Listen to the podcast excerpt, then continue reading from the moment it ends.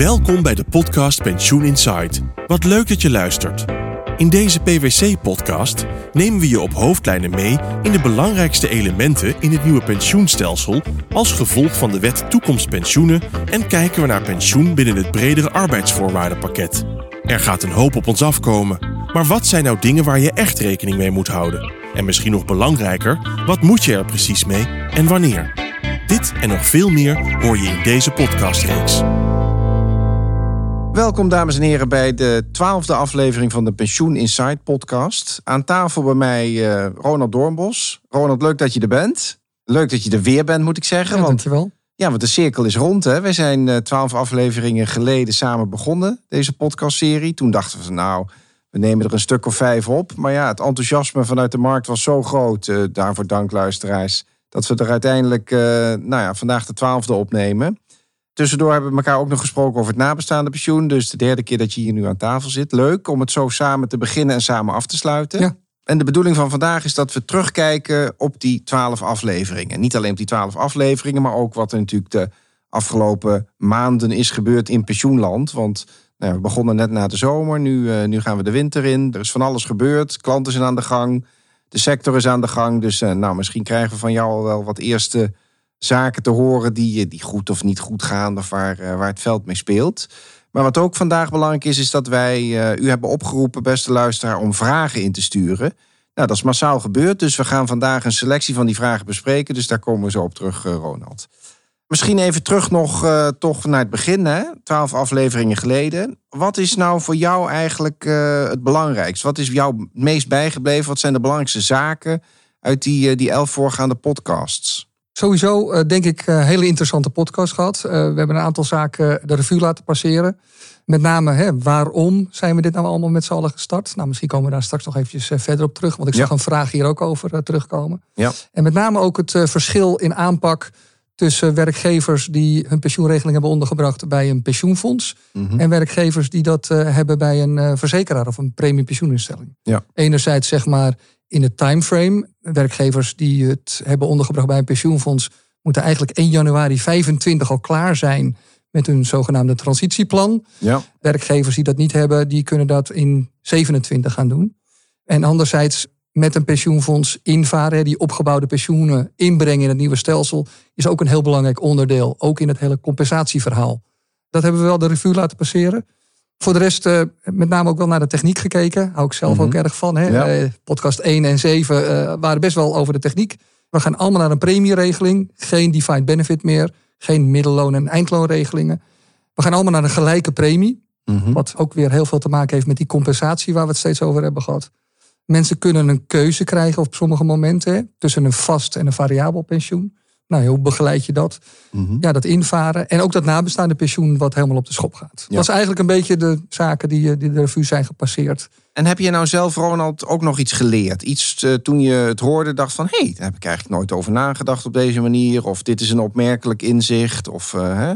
Zeker. Allereerst denk ik dat wat ik heel interessant vond in podcast nummer 2, de podcast van Remo Welmers. Hè, pensioen wordt steeds meer een echt onderdeel van het totale arbeidsvoorwaardenpakket. Hoe positioneren we dat?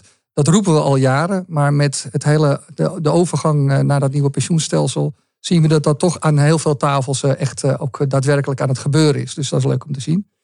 Podcast 4 met Daniel Sternveld over de fiscaliteit. Oh ja. Staat bij mij iets verder weg, maar super belangrijk in je advisering ook. Ja. Want je kunt wel zeggen, we gaan compenseren in het salaris. Maar wat betekent dat uiteindelijk? Hè? Dat kan best wel impact hebben op nou ja, het fiscale element. Zoals eh, hè, bepaalde toeslagen die misschien in het gedrang gaan komen. Ja. En ook de elementen die Daniel aangaf van hoe zou je dat nou fiscaal op een goede manier kunnen regelen. Zodat nou ja, de medewerker daar het minste last van ondervindt. ja, of het meeste profijt. Ja, Ja. super interessant. En daarnaast ook zeg maar, hè, de hele zorgplicht die je als werkgever hebt. Het communiceren erover. Bianca heeft daar eh, behoorlijk over gesproken in, eh, in podcast 3. En ja, wat wij ook altijd eh, roepen. Nicolien deed dat ook in po- podcast 3. Je kunt niet zomaar een arbeidsvoorwaarde afnemen van iemand en zeggen van nou, this is it. Daar Mhm. heb je gewoon ook instemming voor nodig. Het zij met de vakbonden en anderzijds met een ondernemingsraad. En dan niet in de laatste plaats ook met de individuele deelnemer. Dus Ja. dat instemmingsproces, hè, belangrijk. En ja, en daarom neem de tijd er ook voor. Want het is niet iets wat je overnacht even kunt bepalen met elkaar. Maar ik kan me voorstellen, jij hebt ze allemaal gedaan. Ja. Overigens complimenten, hoe dat loopt. Wat heb jij uiteindelijk meegenomen en geleerd van de sessies? Ja, ik vond een aantal dingen zeker interessant, omdat ze net iets verder van mijn dagelijkse praktijk uh, afstaan en uh, dagelijkse expertise. Ik vond de podcast nummer 9 met, uh, met Jan en Lilian over het transitieplan heel erg interessant, omdat het implementatieplan en het transitieplan en dan al die volgordelijkheden erin en verschillende mijlpalen. Hè, ik mag het geen deadlines geloof ik meer noemen, maar verschillende mijlpalen en die verschillen dan weer of je bij een pensioenfonds of bij een verzekeraar of een PPI zit. De hele samenhang van dat, ja, laten we het in brede zin het implementatietraject noemen en de voorbereiding daarvan. Dat vond ik heel interessant en daar heb ik ook echt wel nieuwe dingen gehoord. Ik vond de, de podcast met Michel Abink over Gen AI leuk. Vooral ook omdat het, nou, het was natuurlijk een beetje met een knipoog, die aflevering. Hè, van wat, wat kan die nieuwe ontwikkeling allemaal betekenen? Daar kon er natuurlijk niet omheen. Dus daar, daar heb ik best wel leuke nieuwe dingen gehoord. En natuurlijk ook die met Daniel Sterveld. Want ja, als pensioenfiscalist dacht ik van over pensioen en belastingen weet ik alles. Maar daar heeft hij mij toch weer een aantal nieuwe dingen geleerd. Met name wat dat betekent uh, rondom de werkkostenregeling. En zoals jij het net zo mooi zei, ja. het fiscaal vriendelijk compenseren. Dat is dan weer een vakgebied binnen de fiscaliteit waar ik wat minder goed in zat. Dus oh, die was voor mij ook weer heel erg leerzaam. Dus uh, ik heb er ook weer veel van geleerd, inderdaad we hebben best heel veel vragen binnengekregen. Ja. Uh, de podcast wordt goed beluisterd. Ja. Uh, en ook mensen die vragen hebben gesteld. Is het een idee om een aantal van die Ja. vragen te gaan behandelen? Lijkt me leuk, lijkt me leuk. Een van de vragen die binnen is gekomen gaat natuurlijk over de vraag... waarom doen we dit nu eigenlijk? Dat blijft, we hebben het daar uitgebreid over gehad hè, in podcast 1... maar het blijft de mensen maar tussen de oren zitten. Dat heeft misschien ook met de verkiezingen te maken. Daar komen we straks nog even op terug... door wat andere vragen die zijn binnengekomen. Maar iedereen denkt toch steeds weer van... nou ja, we zijn recent weer op nummer 1 geëindigd als beste pensioenstelsel ter wereld. Hè, nadat we een paar jaar op twee of drie stonden. Dus waarom doen we dit nou in hemelsnaam onszelf allemaal aan? Kun je dat toch nog eens kort en krachtig samenvatten, Ronald? Nou ja, inderdaad. Ik verwijs nog even naar podcast nummer 1. Volgens mij zijn we daarop ingegaan. Maar uh, ja, we hebben een zekerheid beloofd, zeg maar in dat huidige stelsel. Of beloven dat nog steeds in het huidige stelsel die we niet in alle gevallen na kunnen komen. En dat heeft met name te maken door de hoge buffers die wij aan moeten houden in het stelsel, om zoveel mogelijk ook kortingen te voorkomen. Maar dat resulteerde uiteindelijk vanaf 2009 dat we nou, niet tot nauwelijks hebben kunnen indexeren in al die jaren. Dus de inflatie hebben kunnen bijbenen. En tegelijkertijd hebben we ook nog wel gezien dat sommige pensioenfondsen de pensioenen alsnog moesten korten. Nou, dat heeft eigenlijk geleid tot een roep om een nieuwe balans tussen nou ja, zekerheid, kosten en de ambitie van die pensioenregeling. Ja. Zodat we wel een eerder koopkrachtig pensioen kunnen aanbieden. Nou. Het gaat te ver om alle zaken daaromheen nog verder te behandelen. Maar dat is wel de essentie geweest. En nogmaals, we zijn vanaf 2008, 2009 met het nieuwe pensioenstelsel bezig geweest. Om dat op deze manier eh, in elkaar te zetten. Ja, wat ik daar ook nog zelf belangrijk vind is... waar we nu mee stoppen, is beloven dat er zekerheden zijn die er eigenlijk niet zijn. Nee. Dat komt weer terug op dat transparantie. We zijn eerlijker en transparanter over risico's die inherent altijd in het systeem zitten. Die hebben we voorheen natuurlijk een beetje onder het tapijt geveegd. En nu worden die expliciet gemaakt. En dat vind ik het mooie aan het Ja, nieuwe ik systeem. denk spijker op zijn kop. Ja. Een tweede vraag die hier eh, op het lijstje staat, met de verkiezingen eh, die we hebben gehad. Een belangrijk speerpunt in die campagne was eh, van Pieter Omzicht om individuele instemming te verkrijgen bij het invaren. Dat die opgebouwde pensioenen binnenbrengen in het, eh, in het nieuwe stelsel. Ja. Nou, wat vinden jullie daarvan staan? Maar eh, wat, wat is jouw reactie ja, daarop? Je kunt daar genuanceerd naar kijken. Kijk, als je kijkt vanuit eh, het individuele belang, dan kun je zeggen, ja, weet je, het zijn opgebouwde rechten. En dus als je die op een of andere manier aanpast of aanpakt of omzet in een nieuw systeem, dan is het vanuit de rechtszekerheid natuurlijk logisch dat je mensen ook vraagt of ze daarmee akkoord gaan. Dus vanuit dat perspectief begrijp ik het wel. Echter, ik zou het veel liever vanuit de bedoeling van het nieuwe systeem en vooral de haalbaarheid van de grote ambities die we met elkaar hebben willen beschouwen.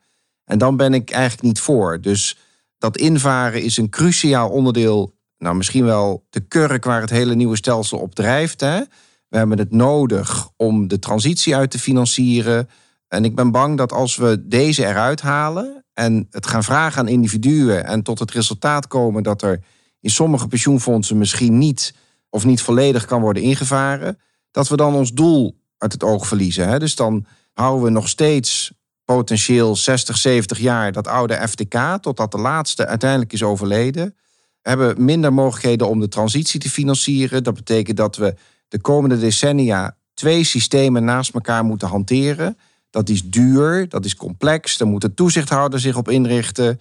De sector moet zich daarop inrichten. En dat geeft voor mij zo ontzettend veel nadelen. Dat ik eigenlijk denk dat dat individuele belang in dit geval moet wijken voor het collectieve belang. En namelijk dat we gewoon als BV Nederland in één klap met de full monty, hè, met alles naar dat nieuwe systeem toe moeten. Als je het mij diep in mijn hart vraagt, had dat niet op een andere manier gekund. Dan had ik gezegd, nou ja, eigenlijk had de wetgever dat invaren misschien wel moeten afdwingen, wettelijk verplichten. Dan had je ook die angel uit de discussie gehaald en de pensioenfondsbesturen niet verantwoordelijk gemaakt voor dat besluitvormingsproces. En daarmee kun je voorkomen dat al die pensioenfondsbesturen dadelijk voor de rechter staan. Want dat gaat natuurlijk gebeuren. Dus dat was wat mij betreft een nog betere oplossing geweest om dat maatschappelijke collectieve doel te bereiken. Nou, dat heeft de wetgever niet aangedurfd. Dus we zitten nu met, dat, uh, hè, met de norm. Het is, het is invaren tenzij. En dan moet je hele goede argumenten hebben om het niet te doen.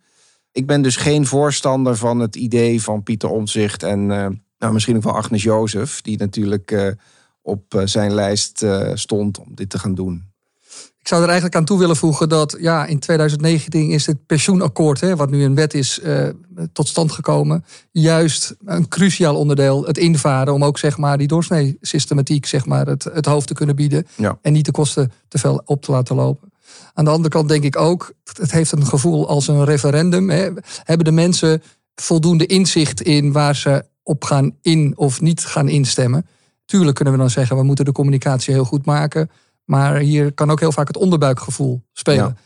Heel vaak hoor je gepensioneerden van dit is niks, ik wil niet naar dit nieuwe stelsel. Terwijl ik juist denk, de gepensioneerden kunnen heel erg profiteren van dit nieuwe stelsel. Want die krijgen de buffers naar zich toe.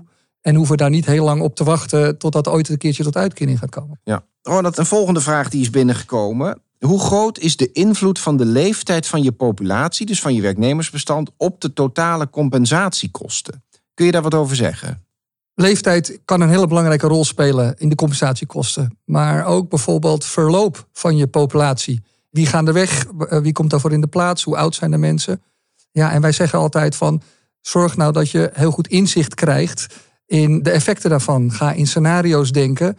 Want er is niet één toekomst, maar je moet wel goed grip krijgen op wat betekent dat uiteindelijk. En wij hebben gezien in de praktijk dat dat uit, ongelooflijk uiteen kan lopen. Dat de compensatiekosten meer dan 50% uh, eh, kunnen zijn de komende 10 jaar. En in mhm. andere gevallen kan dat minder zijn. En dat inzicht is denk ik heel belangrijk om dat op korte termijn wel uh, te gaan uh, krijgen. En waarom heb je dat inzicht op korte termijn nodig? Ja, goede vraag. We begonnen eigenlijk in deze podcast al dat er een verschil is tussen werkgevers die de pensioenregeling hebben ondergebracht bij een pensioenfonds en die het niet hebben ondergebracht bij een pensioenfonds. Nou, diegenen bij een pensioenfonds die moeten 1-1-25 al klaar zijn met een transitieplan. Dus die zijn al, eigenlijk al jaren bezig met de consequenties daarvan door te rekenen. Maar de groep, en dat is een veel grotere groep, want we hebben nog 175 pensioenfondsen in Nederland. Maar we hebben tienduizenden werkgevers die een pensioenregeling hebben ondergebracht bij een verzekeraar of een uh, premiepensioeninstelling. Die hoeven eigenlijk pas in de loop van 27 alles voor elkaar te hebben. Hè? Dus eigenlijk dat transitieplan te hebben. En toch zeggen we, je moet er nu mee beginnen. Zeker in de tijd dat je nu te maken hebt met salariseisen, de war for talent, oplopende personeelskosten. Wat betekent zometeen die overgang naar dat nieuwe pensioenstelsel? Dat zal en dat kan enorme consequenties hebben in de kosten. Hoe langer je daarmee wacht, hoe lastiger het wordt. Ook al in de, nou ja, de flessenhals die we wel eens genoemd hebben, in adviseurs, uitvoerders, die dat allemaal eh, moeten gaan bewerkstelligen. Want dat zien we nu ook al bij pensioenfondsen. Ja. Het aantal partijen dat daarvoor moet rekenen of kan rekenen, ja, dat zit gewoon helemaal vol. Dus je komt elke keer aan het einde van de rit. Start daar nu mee. Wat is de consequentie? En je kan altijd nog bepalen om het in 27 en 28 uiteindelijk te implementeren. Oké, dank je Ronald. De volgende vraag die is binnengekomen gaat over een werkgever met een middeloonregeling bij een pensioenfonds. En de vraag of die verplicht is om volledig te compenseren. In het geval dat de buffers van het pensioenfonds eigenlijk ontoereikend zijn daarvoor. Dus moet die dan nog in salaris bijbetalen of wat dan ook. Hoe zit dat precies? Ja, nu zitten we in een tijd dat de buffers van pensioenfondsen gelukkig best wel zijn gegroeid. Zeker met vier, vijf jaar geleden, hè, toen we rondom de 100, 105 procent misschien wel zaten. Heel veel pensioenen zitten nu rondom de 130 procent. Misschien wel weer dat de rente wat aan het dalen is. Dus daar komt wel wat druk op. In heel veel gevallen zien we wel dat de buffers voldoende zijn. Om ook adequaat, hè, zo staat het in de, in de wet, uiteindelijk te gaan compenseren. Mocht je nou in situaties komen, want we gaan in 2025, in 2028 mm invaren. Ja, wie weet wat dan de buffers van de pensioenfondsen zijn. Mochten die niet voldoende zijn, ja, dan zou dat kunnen worden gecompenseerd uit extra middelen vanuit eh, de werkgever. De vraag is alleen dan, en dat is hier nu ook steeds, we moeten met elkaar overeenkomen wat dan uiteindelijk dat adequaat compenseren is. Ja. Is dat dan 100%? Is dat nu? Is dat in de toekomst? Ja, daar moet je met elkaar de discussie over hebben. Maar dat is dan wel zeg maar de manier om, eh, om tot elkaar te komen. Maar de sociale partners zullen dat moeten kunnen uh, overeenkomen uiteindelijk. Oké, dat is interessant. Maar dat betekent dus dat de gedachte dat als je een pensioenfonds hebt, de compensatie altijd volledig uit de buffer moet komen en je nooit hoeft bij te betalen, dat is dus niet waar. Dat is niet per se waar, maar is wel op dit moment de praktijk. Je ziet eigenlijk, en dat is het voor het pensioenakkoord is er gekomen voor pensioenfondsen. Ja. En dat invaren is een heel belangrijk onderdeel om die doorsnee-systematiek, die afschaffing, de overgang naar een, eh, een gelijke premie voor alle leeftijden, om dat zeg maar op een adequate manier te compenseren. Ja.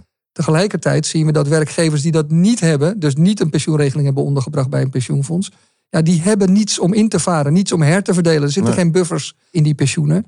En daar zie je dus echt wel de pijn. Daar zie je dus de pijn dat het echt wel uit extra premie moet komen. Ja. ja, en dat komt bij de werkgever vandaan. En nogmaals, wat is dan adequaat? Maar uiteindelijk zullen de bonden, maar als er geen bonden zijn, ook de ondernemingsraad en uiteindelijk ook de individuele deelnemer moeten instemmen met nou, het nieuwe voorstel. Ja, En als je er heel erg op achteruit gaat, eh, je vindt het niet adequaat genoeg, waarom zou je gaan instemmen? Ja, ja Bastiaan, eh, een andere vraag over het nabestaande pensioen. Ik denk dat die hier voortkomt uit podcast nummer 7, die wij ook samen hebben gedaan. Wellicht dat jij die kan beantwoorden. Krijgt mijn partner, als ik tijdens mijn baan kom te overlijden, door het nieuwe nabestaande pensioen en het reeds opgebouwde nabestaande pensioen, niet een erg hoog nabestaande pensioen? Ja, dat is een goede vraag. Want dat risico, voor zover je dat een risico vindt, hè, dat positieve risico misschien wel, is dus wel degelijk aanwezig. Hè? Omdat dat opgebouwde nabestaande pensioen, dat blijft gewoon staan. Dat wordt niet afgenomen en we gaan naar een uh, systeem toe waarbij het nabestaande pensioen bij overlijden tijdens de dienstbetrekking afhankelijk is van het salaris. Het percentage van het salaris, althans dat is de norm. En niet meer afhankelijk is van het aantal dienstjaren dat je hebt doorgebracht. Nou ja, dan kan het dus zijn dat je al heel veel nabestaande pensioen in het oude systeem hebt opgebouwd. Dat blijft staan. Vervolgens uh, ga je naar het nieuwe systeem toe. Je komt te overlijden. En dan, nou, dan krijgt jouw partner 30, 40, maximaal 50 procent van zijn of haar salaris. Hè, van het salaris van de overledene uitgekeerd. Plus dat nabestaande pensioen wat er al staat. Dus in theorie kun je dan in situaties komen waarbij het nabestaande pensioen misschien wel meer dan 100% is van het salaris van de overledene. Is dat erg? Ja, weet je, daar is natuurlijk nooit voor bedoeld. Hè? Het is natuurlijk een inkomensvervanging. Het moet niet een een of andere bonus opleveren, natuurlijk, als je partner komt te overlijden. Maar we hebben wel met elkaar gezegd, ja, dat is dan collateral damage. Hè? Dus dat, dat is iets wat hoort bij dat nieuwe systeem, waarbij we kiezen voor vereenvoudiging, waarbij we kiezen voor een systeem dat het voor heel veel mensen echt heel veel beter maakt. Met name voor de mensen aan de onderkant van het loongebouw. Mensen die niet hun hele carrière in loondienst zijn geweest. En die verbeteringen zijn zo belangrijk dat we dat eventuele nadeel, hè, voor zover je het een nadeel vindt, van dit hoge nabestaande pensioen in situaties, dat accepteren we dan maar. Want als we dat weer helemaal willen mitigeren, ja, dan, dan is dadelijk de charme van de eenvoud toch weer weg. Dus, uh, ik meen dus... te herinneren dat Koolmees heeft gezegd: dit is dan maar de bijwerking van de transitie, als ja, het ware. Ja, exact. De volgende vraag die binnen is gekomen, Ronald, uh, luidt als volgt. Wat betekent de keuzevrijheid voor mijn medewerkers en hoe kan ik hen als werkgever het beste begeleiden hierin en, en eventueel ondersteunen? Oh ja, ja. Interessant. Bianca heeft daar natuurlijk ook al best wel veel aandacht voor gevraagd. Hè? De zorgplicht die je als werkgever hebt richting je medewerkers. Ja, het is extreem belangrijk om in dit soort veranderingen je deelnemers heel goed te, eh, te informeren met name ook eh, de voor- en de nadelen aan te geven. En ook de financiële gevolgen heel nadrukkelijk eh, in beeld te brengen. Niet in de laatste plaats om in de, dat ook de deelnemers vaak ook een akkoord moeten geven in dat verhaal. En dat kun je op heel veel manieren doen natuurlijk. Hè. Dat kan je doen door presentaties te geven. Wat je ook in de praktijk steeds meer ziet, is e-learnings uh, die oh, gemaakt worden. En wat je ook wel in dit soort grote transities ziet, is het aanbieden van een consult bij een financiële adviseur. Die dan ook vaak hmm. wel op, op locatie aanwezig kan zijn om de mensen er doorheen eh, te leiden. Ja, wij denken dat dat echt heel erg belangrijk is in zo'n grote verandering. Want nogmaals, het is de grootste pensioenverandering die we tot nu toe hebben, hebben gezien. Dus ja, informatie en communicatie is extreem belangrijk in dit verhaal. Ja. Nou, dankjewel Ronald. We zijn aan het einde gekomen van uh, niet alleen de laatste aflevering, aflevering 12 van deze podcast, maar ook de laatste aflevering van deze eerste serie. De cirkel is rond, zoals ik al zei. Maar we komen terug. Begin volgend jaar gaan we van start met een nieuwe serie, waarbij wij ook het gesprek aangaan met externe gasten. Dat zullen onder andere zijn uh, Petra de Bruin. Zij is bestuurder bij uh, BPF ook, het voormalige BPF Meubel, en lid van de Transitiecommissie. Wij spreken onder andere ook met Annemieke Visser-Brons van Atora Zwitserleven. En met Bas Werker van Netspar en de Universiteit van Tilburg. Ik kijk daar erg naar uit. Ik wil iedereen uh, die mee heeft gewerkt aan deze podcast uh, nogmaals hartelijk danken voor deze eerste serie. En uh, u beste luisteraar ook zeer bedankt. En graag tot het volgende seizoen. Tot volgend jaar. Bedankt voor het luisteren naar deze podcast. Kijk voor meer informatie over pensioenen op de website van PwC en volg onze podcast in jouw favoriete podcast-app.